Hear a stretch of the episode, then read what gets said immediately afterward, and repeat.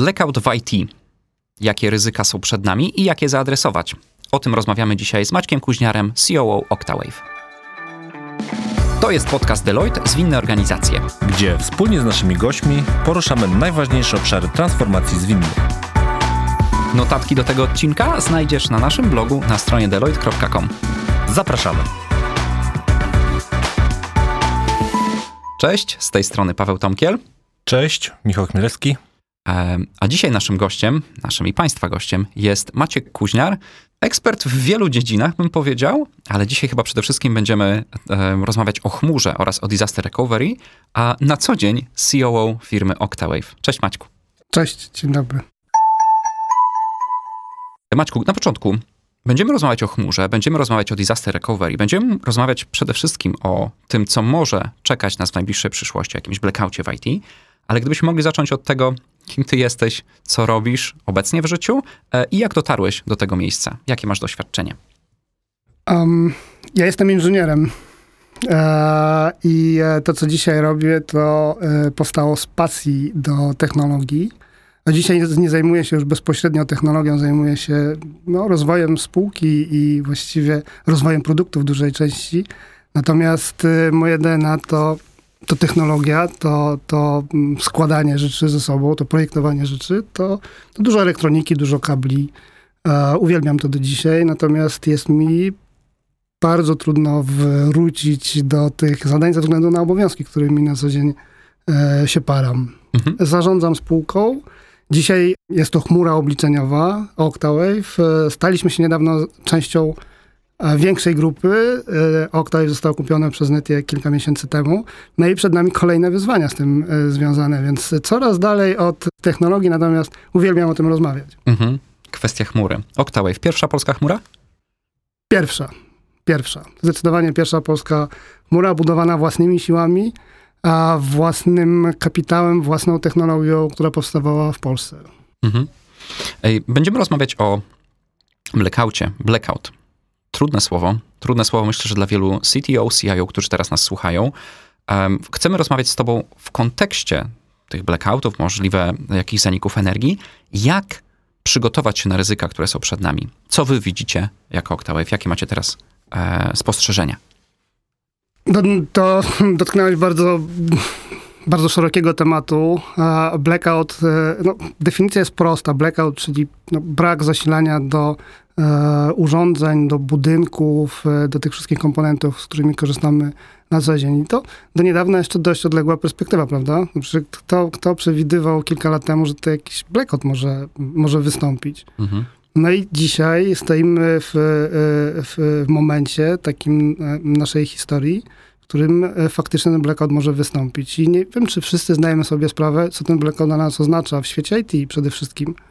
Bo mamy Dzisiaj mnóstwo firm w Polsce, te firmy pięknie się rozwijają, e, korzystają z infrastruktury IT, bo muszą. Korzystają z własnej, korzystają z własnych serwerów, korzystają z chmury, korzystają z różnych rozwiązań. No i nierzadko ta infrastruktura, te rozwiązania, które posiadają, mają po prostu w biurach. Mhm. Bo tak jest, prawda? Maciej, a mówisz firmy IT, działy IT.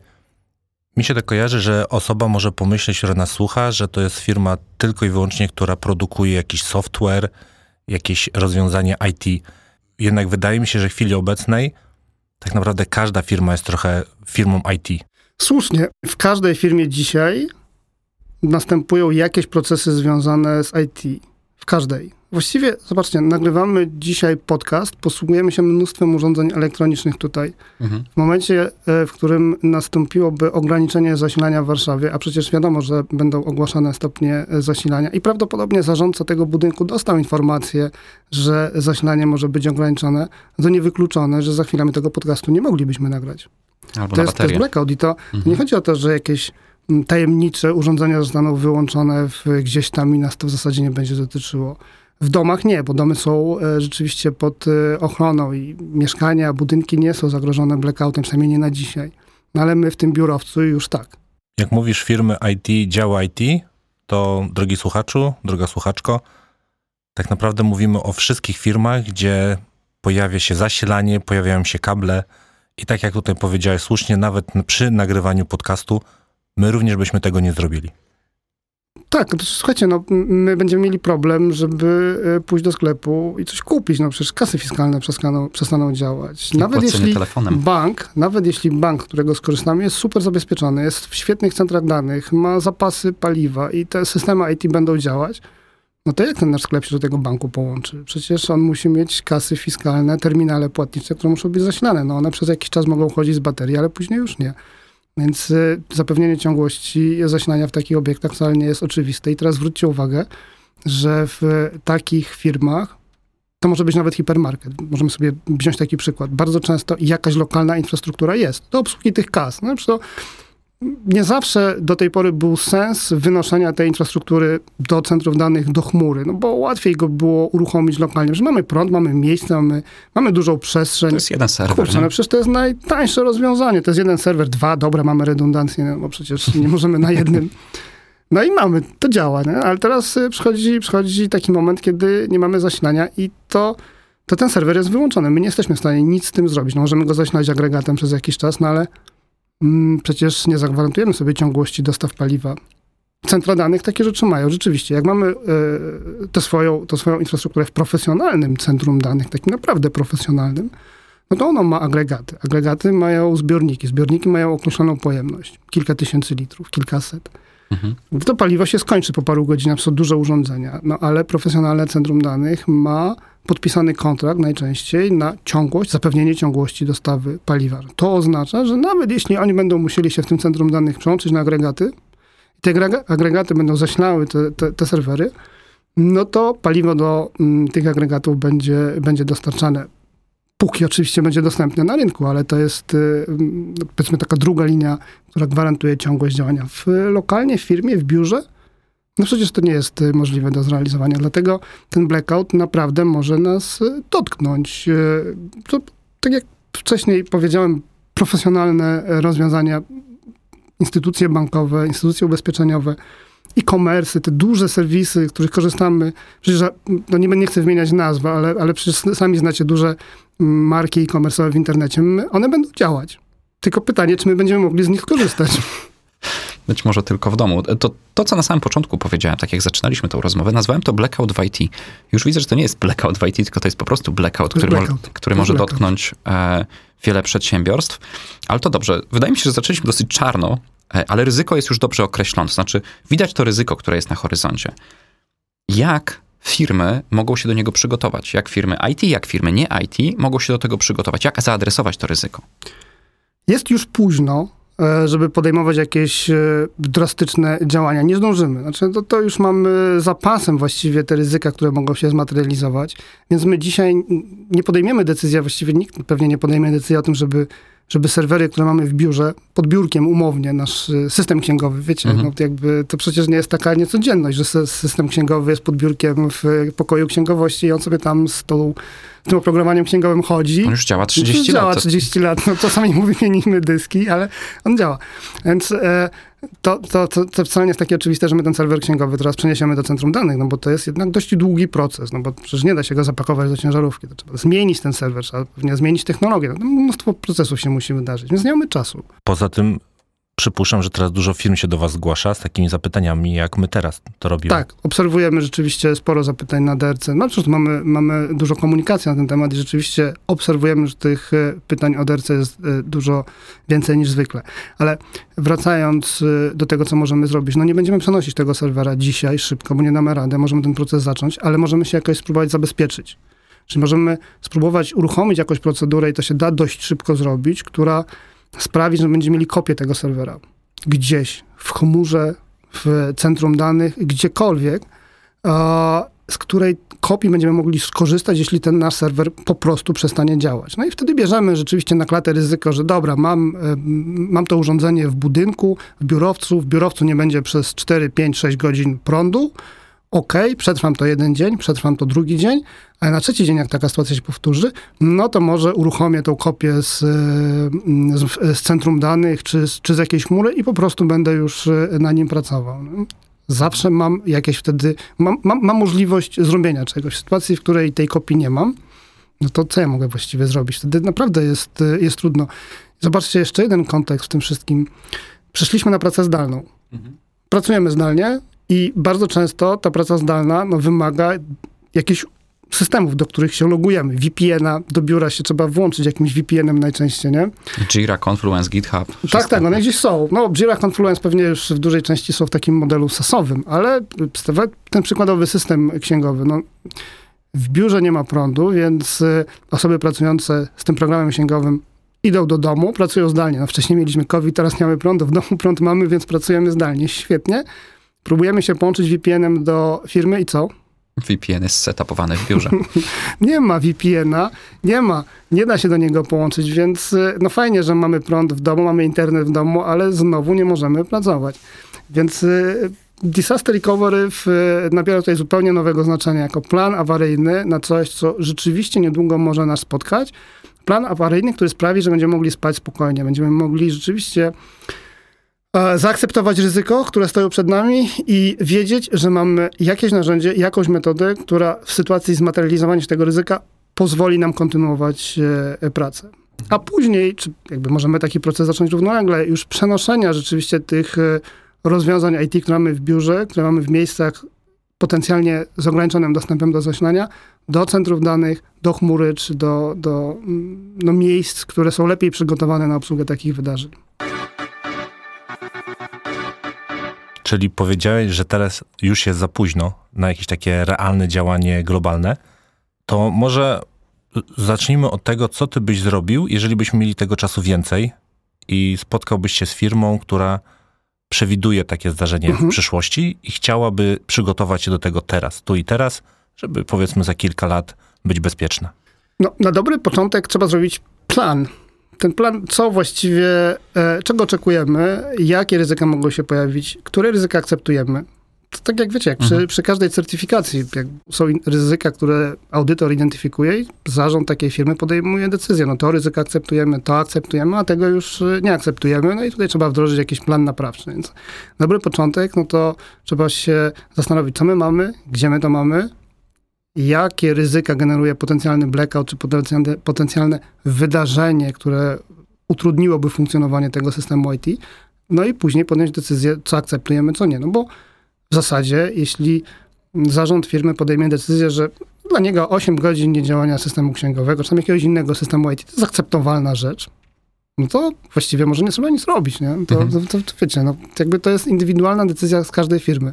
No trudno sobie wyobrazić, żeby ktoś się pogodził z 8 godzinami niedziałania kluczowych dla firmy systemów IT, ale jest to świadoma decyzja, którą, którą, którą trzeba podjąć. Ktoś się może zgadzać na dwie godziny i powiedzieć, dobra, słuchajcie, 8 godzin to nie, no, dwie godziny mogę wytrzymać. I to już zupełnie inaczej buduje ten plan disaster recovery, bo to oznacza, że od momentu wyłączenia systemu IT do momentu uruchomienia mamy dwie godziny. Mhm. Więc y, koszt wdrożenia takiego systemu będzie dużo, dużo niższy niż koszt takiego systemu, który ma być dostępny po 5 minutach. Albo mhm. w ogóle może cały czas ten system powinien być obsługiwany z wielu lokalizacji. No przecież y, duże systemy informatyczne tak działają. Banki e-commerce, to to nie działa z jednego centrum danych, to nie działa z, z, jednej, z jednego miejsca. To zwykle działa w oparciu o wiele geograficznych ośrodków. I nam nie ma czegoś takiego jak e, odtworzenie z, z backupu w sytuacji, kiedy nie ma zasilania. Te systemy działają po prostu równolegle. Znaczy, one mają backup, nie? tak just in case. Natomiast normalnie działają w oparciu o wiele ośrodków. Nie zawsze tego potrzebujemy. A jakbyś powiedział ze swojego doświadczenia, w ilu procentach firm widzisz takie rozwiązania, gdzie firmy od samego początku do samego końca przemyślanie planują takie rozwiązania, o którym teraz ty mówisz? Hmm, świadomość powinna być w każdej firmie. Dzisiaj jesteśmy wszyscy zależni od IT. Jak wszędzie. Jakby wszyscy powinniśmy zdawać sobie sprawę, co jeśli moje IT przestanie działać. I e, czasami odpowiedź jest, e, jakby mitygacja ryzyka są łatwe, dlatego że w niewielkiej firmie może się okazać, że korzystam z rozwiązań dostarczonych w modelu SaaS-owym, czyli z dużych chmur. No, mam tam Outlooka, czy Office 365, mam e, jakiegoś Google Docsa, może mam jakieś inne narzędzia ERP, e, które są świadczone czy dostarczane do mnie z chmury. No i ta chmura ma już swoje SLA, ma swoje disaster recovery, gwarantuje ciągłość działania tych systemów. I w zasadzie powinienem to sprawdzić. Powinienem sobie upewnić, dobra, no to jeśli ja nie będę miał prądu, to ta chmura, ten ośrodek, to DC, z którego korzysta moja firma, jest zabezpieczony. I mhm. jakby jest ok. Może, może to jest dość proste, nie? ale wymaga świadomości. Bo może się okazać jednak odwrotnie, że usługi, z których korzystałem, w ogóle nie są zabezpieczone. No i wtedy będę musiał coś zrobić. Także wracając do, do Twojego pytania, w każdej firmie powinna być świadomość, że jesteśmy zależni od IT. IT jest zależny od prądu. Więc musimy się zastanowić, z czego my korzystamy, co jest kluczowe dla naszej firmy w tym IT i zbadać, czy to jest odporne na, e, na blackout, o którym Mhm. dzisiaj e, mówimy. Czyli z, z tego, co już powiedziałeś, spróbuję trochę podsumować. Powiedziałeś, że na pewno powinniśmy zinwentaryzować nasz sprzęt, nasze to bardzo zasoby. dobre słowo. Inwentaryzacja.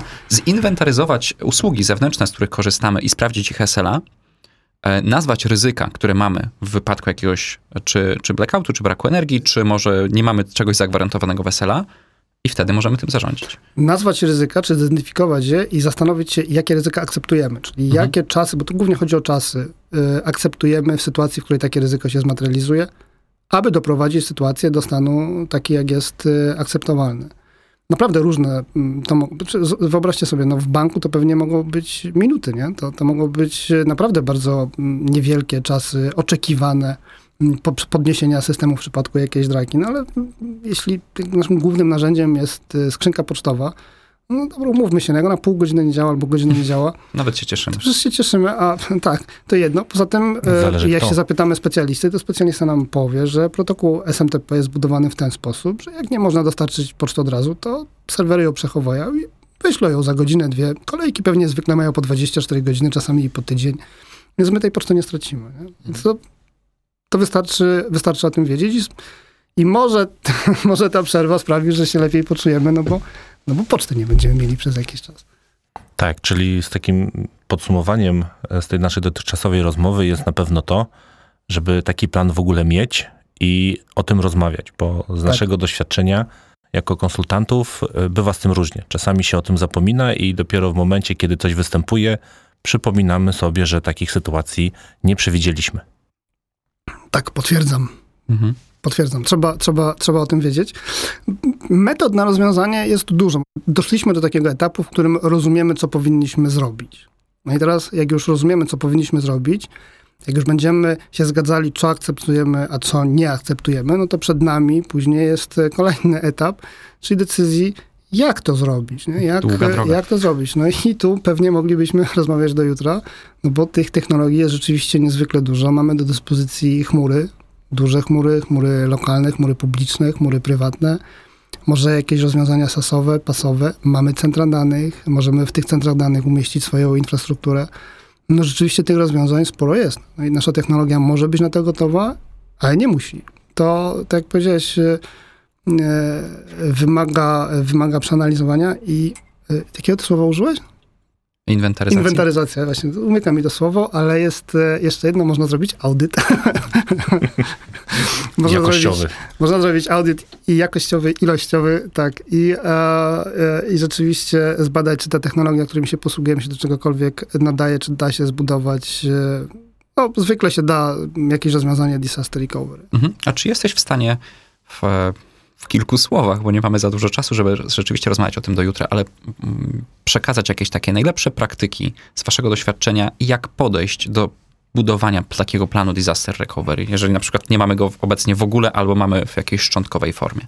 A zacząłbym e, od e, podstaw podstaw, czyli e, kopii zapasowych. Upewnijmy się, że mamy kopie zapasowych naszych kluczowych systemów. Jeśli to jest system księgowy, to sprawdźmy, czy ta kopia nie leży na tym samym serwerze, czy e, nie leży przypadkiem na e, urządzeniu pamięci masowej podłączonej do tej sieci samej elektrycznej w naszym biurze, tylko piętro wyżej albo piętro niżej, może u prezesa jest pod biurkiem NAS, na którym jest backup systemu księgowego, co przecież jest e, naturalne. No, jakby to jest dobre miejsce, żeby przechowywać Bezpiecznie. bezpiecznie informacje. Więc upewnijmy się, że przypadkiem to nie jest ta sama sieć elektryczna i jak, jak prądu nie będzie, no to nie będziemy mieli systemu podstawowego ani systemu zapasowego, czy tam backupu. Więc najpierw backup. Mhm. Upewnijmy się, że ten backup jest, że on jest zapisany w trwały sposób. I że jesteśmy w możemy stanie go- go odtworzyć. Poczekaj, poczekaj, że on jest, że on jest, jest zapisany w trwały sposób i jest w miejscu, do którego będziemy mieli dostęp, jeśli będziemy tego potrzebować. To może być znowu chmura, może być cokolwiek. No, znajdźmy jakieś narzędzie, jakieś rozwiązanie, które da nam pewność, że, że mamy dostęp do tego backupu. To jest krok pierwszy. Mhm. Robimy backup. Krok drugi, sprawdźmy, czy ten backup da się uruchomić. Ja naprawdę widziałem wiele scenariuszy w życiu, kiedy mieliśmy backup. Nie no, mamy backup, słuchajcie, Gdzieś naprawdę jest. mamy. Ale wiecie, co się z tym wiąże? Z jednej strony jakby możliwość odtworzenia backupu, a z drugiej strony czas odtworzenia backupu. No bo backup, okej, mam backup, dobra, mogę go odtworzyć. No i teraz tak, mam e, jakiś system IT, który jest bardzo wrażliwy, no i chcę otworzyć ten backup. Dobra, odtwarzamy backup. Zaczynamy go odtwarzać, nagle się okazuje, że ta nasza baza danych to się będzie 16 godzin odtwarzała. No bo to jest duża. Nie da się tego przyspieszyć. To fajnie, że mam ten backup, no ale 16 godzin będzie się baza odtwarzała, a po odtwarzaniu tej bazy jeszcze muszę mnóstwo innych e, rzeczy zrobić, żeby uruchomić cały system IT. Czyli wiemy, że mamy backup, ale wiemy, że minimalny czas, e, e, który potrzebujemy, żeby się podnieść z tego backupu, to jest w tym przypadku pewnie za 20 godzin co najmniej, więc backup działa. Mhm. Backup działa i wiemy, ile on się odtwarza. To jest, e, to, jest, e, to jest druga rzecz. No i żeby to wiedzieć, no to trzeba to co jakiś czas sprawdzić. Zrobimy backup, sprawdzimy, czy on się odtwarza i zwykle jest tak, naprawdę, wierzcie mi, zwykle jest tak, że już wszyscy o tym zapominają. On się robi. Gdzieś tam w systemie monitoringu jest tylko na zielono, tak, wykonał się tak, wykonał się tak, wykonał się codziennie, on się wykonuje i tak sobie leci. Zero tydzień, bajtów, drugi zero bajtów. tydzień. Nie, nie, nawet on się wykonuje, wiesz, on się wykonuje, wykonuje, wykonuje, tylko nikt, kurde, nie wie za pół roku, czy on faktycznie da się odtworzyć, no bo on, wiesz, on, on może mieć swoją masę, ale może być uszkodzony z jakiegoś powodu. Tak sobie od razu przyszło mi do głowy kolejny problem, bo pewnie tych backupów nie odtwarzamy codziennie. Może się okazać, że firma nawet już nie ma kompetencji, żeby ten backup otworzyć. No, to jest, e, to jest e, słuszne. Ale słuchaj, do tego jeszcze dojdziemy, bo jak już e, ten backup wiemy, że się odtwarza, to jest kolejny etap. Na czym ja ten backup odtworzę? No bo e, okej, mam tą infrastrukturę w, w biurze, mam pamięć masową jakąś, e, czy tasiemki, czy jakieś dyski przenośne, whatever. Zapisuję ten backup, mam ten backup dostępny, on jest do dyspozycji e, dla mnie, mogę go zanieść do centrum danych i odtworzyć, tylko, tylko ja potrzebuję do tego infrastruktury, bo ja mam dane jak na razie na takim backupie. No i teraz co ja potrzebuję? No potrzebuję serwerów, przełączników, no wiecie, jakby całego tego ustrojstwa mm, wesoło migającego w centrum danych, na którym można ten backup odtworzyć. A idę o zakład, że w sytuacji, w której e, nastąpi e, potrzeba odtwarzania takich backupów na szerszą skalę niż tylko u mnie w firmie, to tego sprzętu to nigdzie nie kupimy, nie? To jakby on zniknie z półek. No to skąd ja go wezmę? No i na pewno też to trwa, żeby zamówić. No tak, zadzwonisz do, do producenta sprzętu i powiesz, e, potrzebuję dwa serwery, żeby uruchomić system księgowy, dwa przełączniki, jakoś macierz i coś. Mhm, mhm, mhm. Na jutro. No, 9 miesięcy jest termin na przełączniki. Tak, pamiętam. Dzisiaj, słuchajcie, dzisiaj, to już tak na marginesie zupełnie, e, terminy na mm, sieciówkę to są, to są absurdalne. Dzisiaj jak idziesz, chcesz zamówić przełącznik, to albo nie wiadomo, kiedy on w ogóle będzie, albo będzie terminy za 6 miesięcy, za 9, za 12, jak masz szczęście. Mhm. I to wcale nie znaczy, że on przyjedzie w tym terminie. Jak mówisz o sieciówce, ktoś może pomyśleć, no jak, pójdę do jednego z wielkich e, graczy, takich, e, co możemy kupić i odkurzać, i jakieś inne rzeczy i wezmę sobie router, switch. Na pewno jest. E, Wiesz co, e, no tu mówisz o urządzeniach konsumenckich. E, Właściwie nad tym się nie zastanawiałem. Być może faktycznie takie urządzenia konsumenckie będą łatwiejsze do kupienia niż urządzenia, które się zwykle instaluje w centrach danych, no bo te w centrach danych, te profesjonalne urządzenia, to rzeczywiście one mają takie terminy, jak przed chwilą powiedziałem. No, w takim markecie, jakim mówisz, pewnie ten przełącznik może faktycznie byłby dostępny, ale czy on się będzie nadawał do odtworzenia tego naszego backupu? Co on udźwignie. co on udźwignie, co on nie udźwignie, a poza tym, czy za chwilę go nie wykupią, bo wszyscy będą potrzebowali tych przełączników, Na, do domu. to, to no, no właśnie, wiecie, serwerownie w domu powstaną. To będzie w ogóle nowy model biznesowy. W garażu, e, tak jak e, to zwykle jest, technologie powstają, a teraz będą, wrócimy do tych samych czasów. Infrastruktura rozproszona. E, właśnie, słuchaj, to może, może, może rzeczywiście, i to chyba e, nawet prąd będzie tańszy. Ciekawy koncept. Że możemy to rozszerzyć. tak, na marginesie numer dwa, to, to wiecie, co się dzieje z cenami prądu w centrach danych. No, ten prąd będzie po prostu potwornie drogi. No, jakby centra danych nie są pod ochroną. O ile w domu będziemy mieli jeszcze jakoś pewnie zmitygowane koszty prądu, to w centrach danych one już takie super nie będą. E, w pewnym sensie pewnie pomocna będzie chmura, która mm, racjonalizuje wykorzystanie tego prądu w, w obszarze infrastruktury, ale to trochę jakby e, inny temat już. Mhm. Ale warto się tym zainteresować, no bo jakby zużycie prądu przez serwery jest proporcjonalne do ilości tych serwerów, ich obciążenia. W chmurze trochę inaczej to się rozkłada, więc jakby ekonomicznie z, rachunku ekonomicznego może wynikać, że migracja do chmury będzie bardziej atrakcyjna niż na serwery fizyczne. To może kiedyś indziej o tym porozmawiamy, ale w kontekście prądu tak się może wydarzyć. A, ale wracając do, do dostępności tego sprzętu, no to upewnijmy się, że na czymś my ten sprzęt odtworzymy. No i teraz co? No możemy zrobić zakupy dzisiaj i poczekać parę miesięcy, aż my te serwery dostaniemy. Możemy iść e, oczywiście do centrum danych, e, dzisiaj jakiegoś komercyjnego centrum danych. Zwykle centra danych mają w swojej ofercie e, możliwość wynajęcia infrastruktury, tak zwane serwery dedykowane. No, mhm. Możemy podpisać z nimi jakiś, jakiś kontrakt i wynająć sobie jeden czy dwa takie serwery, no ale będziemy za nie płacić. Może ten blackout nie wystąpi, no my za te serwery jednak będziemy, będziemy, będziemy płacić. Trzeci wariant, no to jest chmura. Chmura y, ma tą przewagę, że w zasadzie zasoby dostępne są od ręki. Znaczy my zakładamy konto na takiej chmurze, to już nieważne jakie. Czy to była chmura publiczna, zakładamy zasoby, mm, zakładamy konto i zasoby mamy dostępne od ręki. No ale musimy się tej chmury nauczyć najpierw. Czyli musimy wiedzieć, że ten backup, który mamy w tej chmurze, da się odtworzyć. Założyć to konto, coś uruchomić, sprawdzić, czy to się faktycznie odtwarza. No, przeprowadzić test odtworzeniowy, który przed chwilą powiedzieliśmy. Może sobie nawet zrobić jakąś procedurę, opisać sobie taką dokumentację to będziemy wiedzieli, nie? jak wy, wystąpi, wystąpi ten moment, to otworzymy sobie wydrukowaną wcześniej dokumentację, żeby ona nie była w Confluencie, nie? wydrukowano wcześniej dokumentację i krok po kroku e, przejdziemy, nawet w domu, zakładając konto w chmurze, e, uruchamiając zasoby w tej chmurze, odtwarzając ten backup. Ale my musimy umieć to zrobić. Nie? Zakładam, że chmury dzisiaj e, sobie poradzą z, z bo, bo z, zwykle jest tak, że chmury mają jednak duży, duży nadmiar tych zasobów i są w stanie, ze względu na, na charakter obciążenia chmurze, są w stanie podołać tego rodzaju przedsięwzięciom. No w każdym razie tam moglibyśmy ten backup odtworzyć. To jest jedna z dróg. musimy, musimy umieć ten backup odtworzyć. To był już chyba trzeci etap, nie? Tak, czyli posiadanie backupu, to, tak, że się, tak, robienie go. Tak. E, umiejętność odtworzenia i, na co i infrastruktura. Mhm. I na co go odtwarzamy. I to jest, to jest podstawa podstaw e, e jakiejkolwiek, jakiegokolwiek DRC, jakiegokolwiek e, planu, który pozwoli nam ratować firmę w sytuacji, w której tego zasilania nie będzie.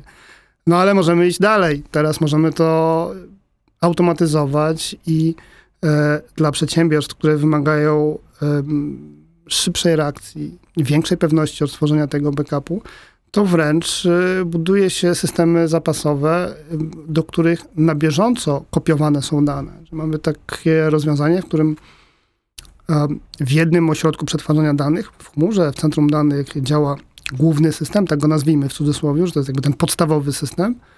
No i wszystkie dane, które się w nim znajdują, są na bieżąco replikowane, kopiowane do jakiegoś innego centrum danych. I one tam sobie spoczywają w tym drugim centrum danych w oczekiwaniu na przydatność, mhm. E, kiedy nastąpi ten moment, w którym podstawowe centrum danych przestanie działać, no to to drugie centrum danych będzie miało wszystkie dane już dostępne. One będą, one będą zapisane w przestrzeni storage'owej, będą na dyskach.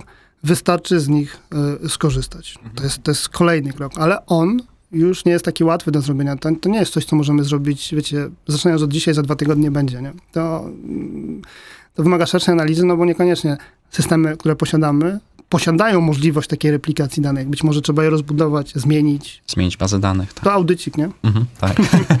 tak, no, to co teraz mówisz, to na pewno duzi gracze, e, telko, banki, to na pewno, ale nie wszyscy, nie? Bo to jak mówimy o takich mniejszych może firmach, to oni tego nie potrzebują. Mi spodobało się to, co powiedziałeś odnośnie rozwiązania chmurowego, mhm. bo tutaj chciałbym trochę zwinnie i płynnie poruszyć kwestię że przy okazji tego audytu, tego sprawdzania i przygotowania na ten blackout, firma dzięki takiemu przejściu na chmurę może uporządkować swoje usługi, może te stare usługi wygasić i dzięki temu nie dość, że będzie przygotowana na sytuację kryzysową, to jeszcze zrobi sobie porządek w swoich y, systemach IT.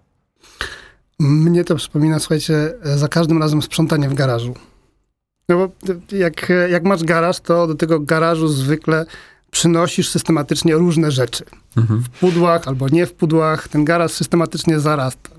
Jak już brakuje ci miejsca na podłodze, to przybijasz gwoździe i wieszasz na półki na ścianach, a jak już ci brakuje na ścianach, to podwieszasz pod sufitem i wiecie, taki garaż, który ma 30-40 lat, to, to oczywiście yy, trzeba by tą analogię dostosować do świata IT, ale jakby taki długoletni garaż to jest yy, bardzo mocno zapchane i są tam bardzo ciekawe rzeczy. Naprawdę bardzo ciekawe. Wszystkie są super potrzebne.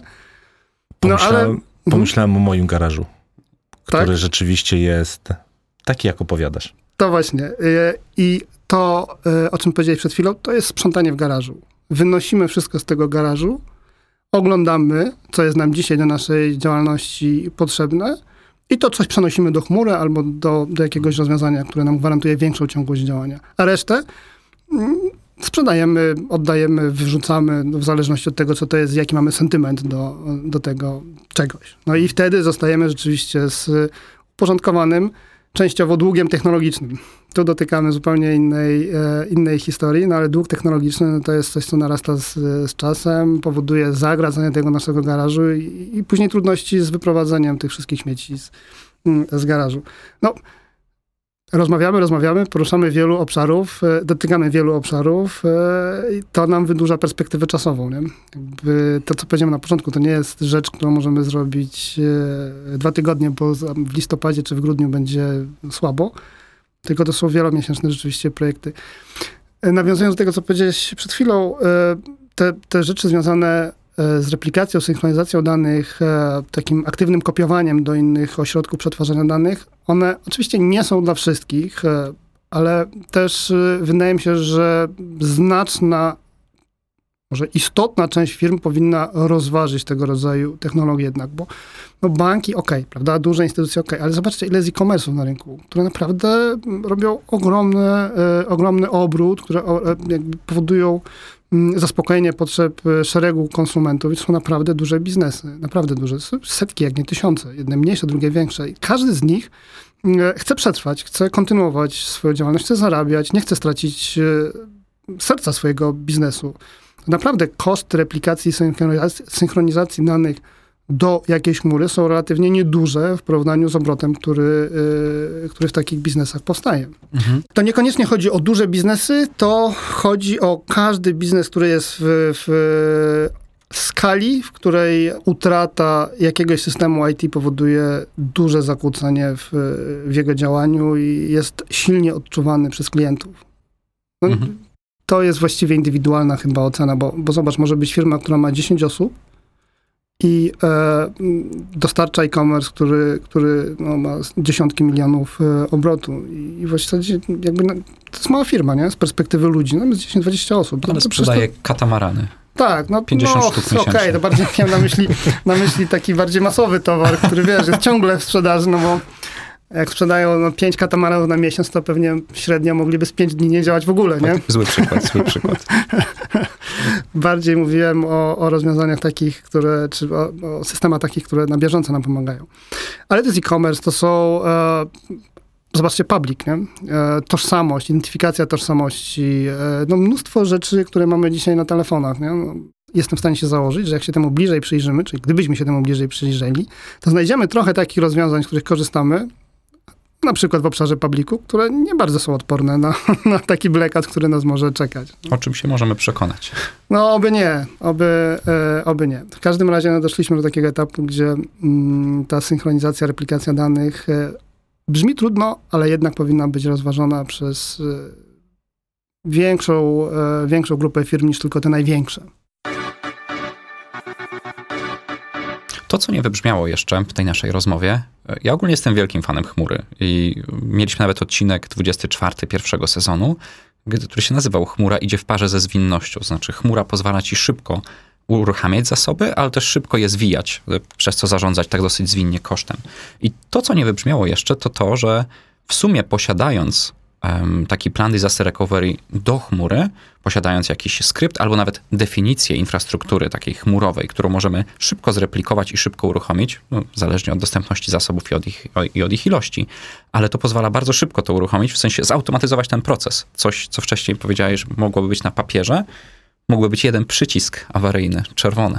Zwinność jest e, w DNA chyba polskich przedsiębiorców e, i wydaje mi się, że to, o czym ja dzisiaj mówię, mm, e, to poruszy pewną strunę w, w głosie tychże przedsiębiorców, no bo my dbamy o nasze biznesy. Znaczy, umiemy zidentyfikować rzeczywiście te obszary, które, które trzeba poprawić, które trzeba zadbać.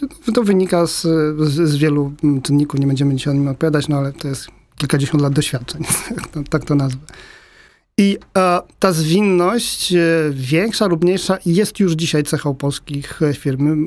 Jakby zupełnie inaczej adaptujemy nasze firmy do, do potrzeb klientów, do rynku. To też znowu temat na inny wątek, ale w jakim sensie tą zwinność mamy wbudowaną w, w naszych głowach.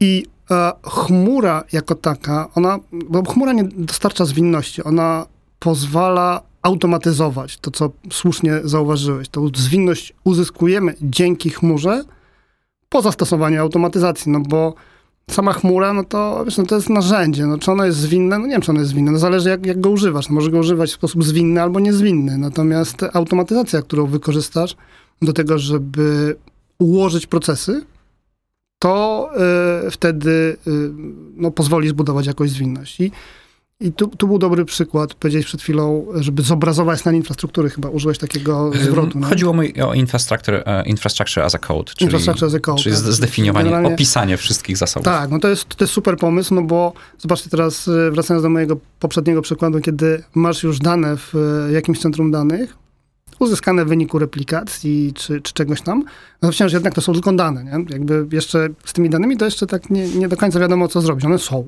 Gdzie? No, no ale nie, no są w tej chmurze, mhm. tylko no zapisane są jakby.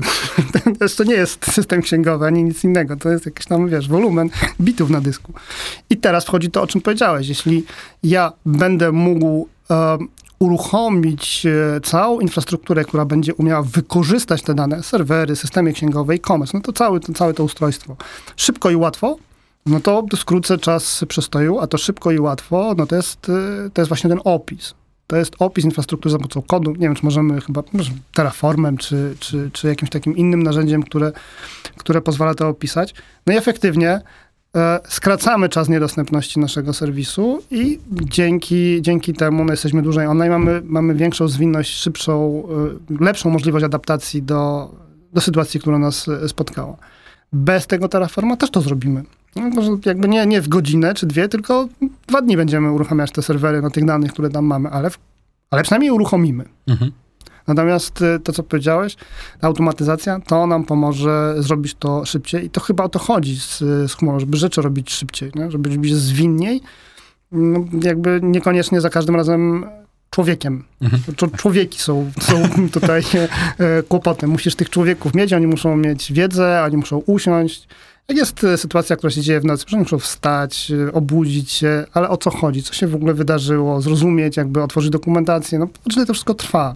To, to, to, to są godziny lub, e, lub, lub dni, a w sytuacji, kiedy masz to zautomatyzowane, no to to wymaga triggera. Dobra, stało się, przełączamy wajchę i mhm. już, nie? I jedziemy z odtworzeniem danych w innym centrum danych, w innym regionie, w innej części świata, na danych, które mamy. No i już. Mhm. A Gdybym mógł teraz pociągnąć wątek tego, co powiedziałeś o właśnie o tej wajsze, o, o tym takim pełnym, w pełni zautomatyzowanym podejściu, e, jak to wygląda kosztowo, żeby być przygotowanym, żeby mieć takie, wiesz, drugie... Gdzieś... takie całkowicie? Tak jakby taką właśnie, tylko wajchę pociągam i jestem już, wiecie, Może z innej niekon- części świata? Niekoniecznie wajchę, ale gdybym teraz chciał opisać ja swoją infrastrukturę w jakiejś organizacji, czy już za to płacę pieniądze, czy już muszę rezerwować serwery w jakiejś chmurze, czy wiesz, jak, ile będę za to płacił, żeby być przygotowanym? Podejścia są zasadniczo dwa.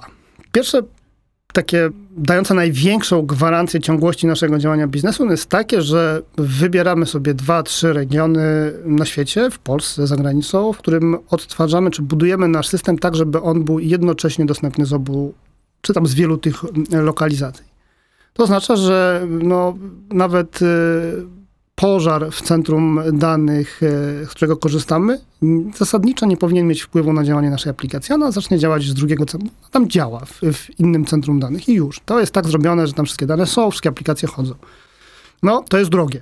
No bo technologia, żeby zbudować takie rozwiązanie, jest dość skomplikowana. Potrzebujemy do tego kompetencji, potrzebujemy czasu.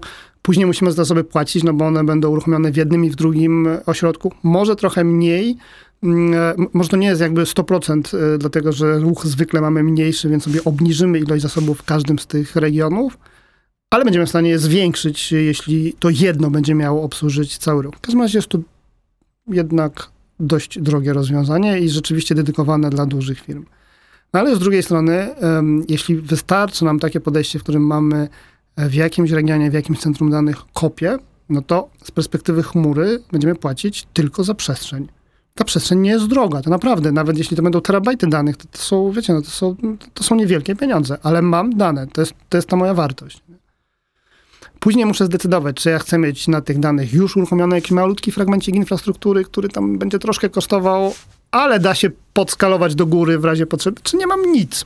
I tylko mam kod, tak jak zaproponowałeś, Terraforma, który uruchomię i dopiero wtedy powstaną koszty. Czyli koszty e, e, istotne dla mnie powstaną w momencie uruchomienia infrastruktury tej obliczeniowej, tych serwerów, które korzystają z danych. Natomiast na co dzień miał tam kopię danych, która się cały czas replikuje, cały czas te dane tam są, one są świeże.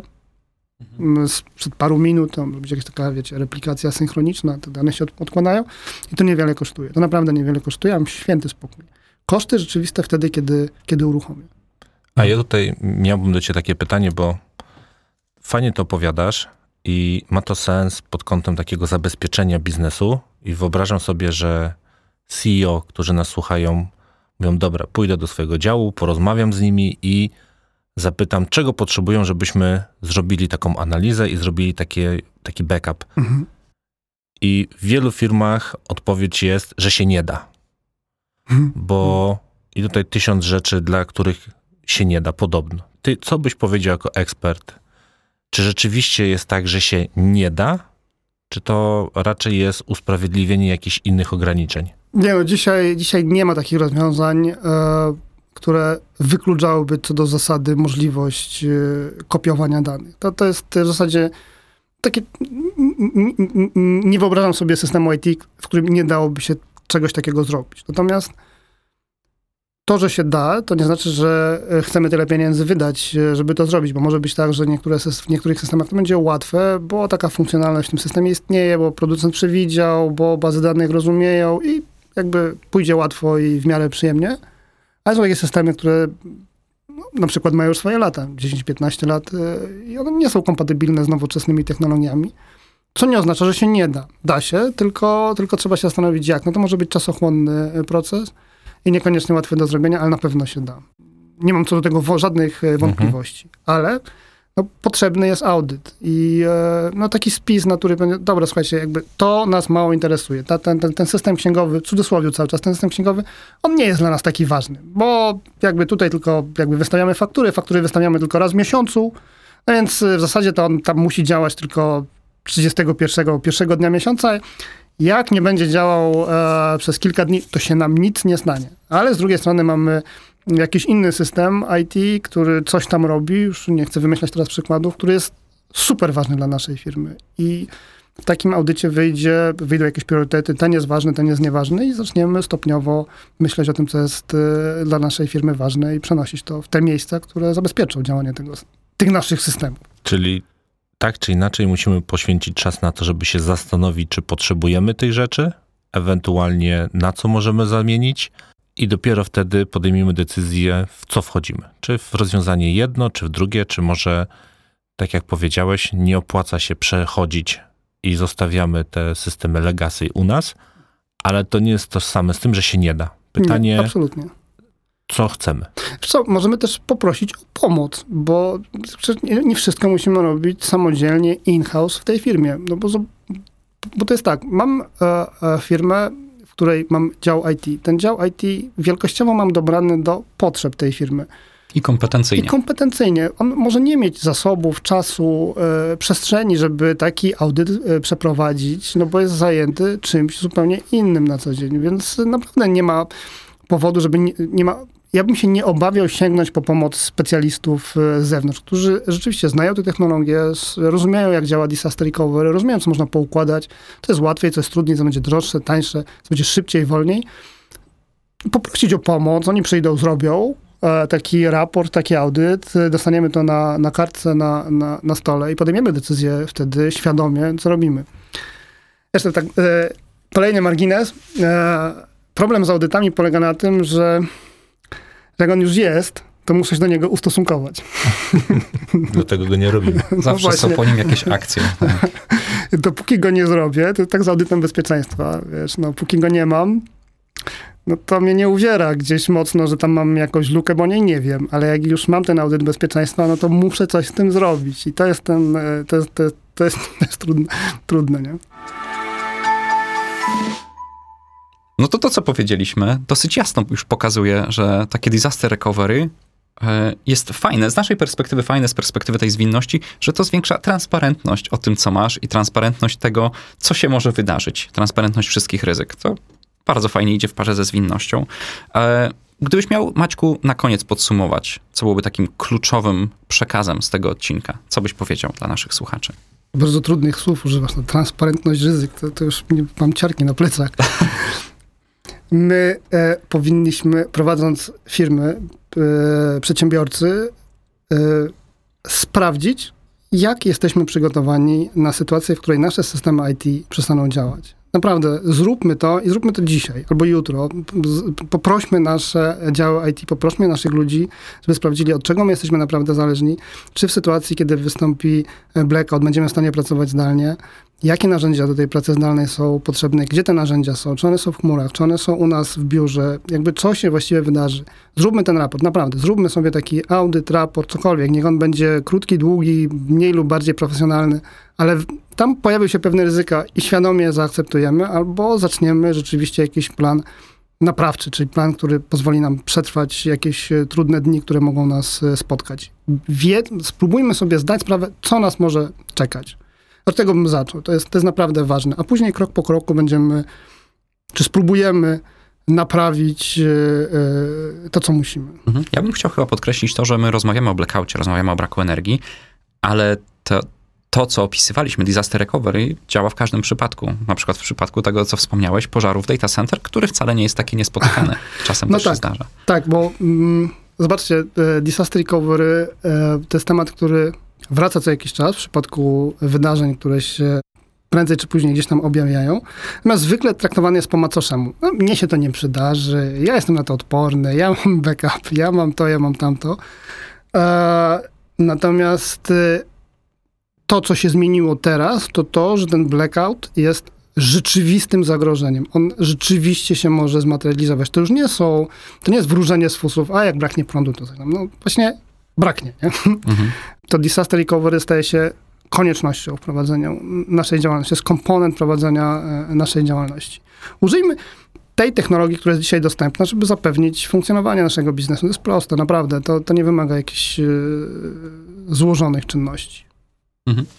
Ja dodam komentarz. Jak już wiemy, że ten backup mamy, to sprawdźmy naprawdę, czy mamy go na czym odtworzyć. To jest e, dru, druga, druga, druga złota myśl z, e, z dzisiejszego podcastu. Mhm. E, Maćku, gdyby ktoś chciał z naszych słuchaczy dowiedzieć się więcej o tobie, więcej o tym, co robicie, gdzie byś ich odesłał? Myślę, że ja e, jako osoba, tak jak powiedziałem na początku, która lubi e, inżynierię, lubi technologię, bardzo chętnie podejmę rękawicę. Jeśli ktoś chce się skontaktować, zapraszam do kontaktu ze mną e, lub po prostu z naszą, z naszą firmą. Można się z nami skontaktować przez naszą stronę, przez LinkedIna ze mną. Ja lubię rozmawiać z klientami, lubię rozmawiać o procesach, więc zachęcam do kontaktu. Naszym i Państwa gościem był dzisiaj Maciek Kuźniar, CEO Octawave. Wspomniałeś LinkedIna, wspomniałeś stronę www. Możesz podać adresy naszym słuchaczom?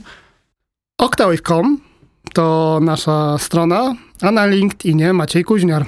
Zapraszam. Proste. E, w związku z tym, o czym rozmawialiśmy, ja mogę nieustannie odesłać do naszego bloga na stronie deloitte.com, zwinne organizacje. W 24 odcinku pierwszego sezonu rozmawialiśmy o tym, że chmura idzie w parze ze zwinnością. Tam też cię odsyłam, drogi słuchaczu. A na dzisiaj to już chyba tyle. Dziękuję razem z Michałem e, za to, że byłeś, za to, że byłaś. Dzięki wielkie, super wiedza i super doświadczenie. Super, bardzo dziękuję za zaproszenie i do usłyszenia. Do usłyszenia. Do usłyszenia. To był podcast Deloitte Zwinne Organizacje. Te i inne odcinki znajdziesz na naszej stronie i popularnych platformach streamingowych. Zasubskrybuj na stronie deloitte.com ukośnik subskrypcja. Do usłyszenia w następnym odcinku.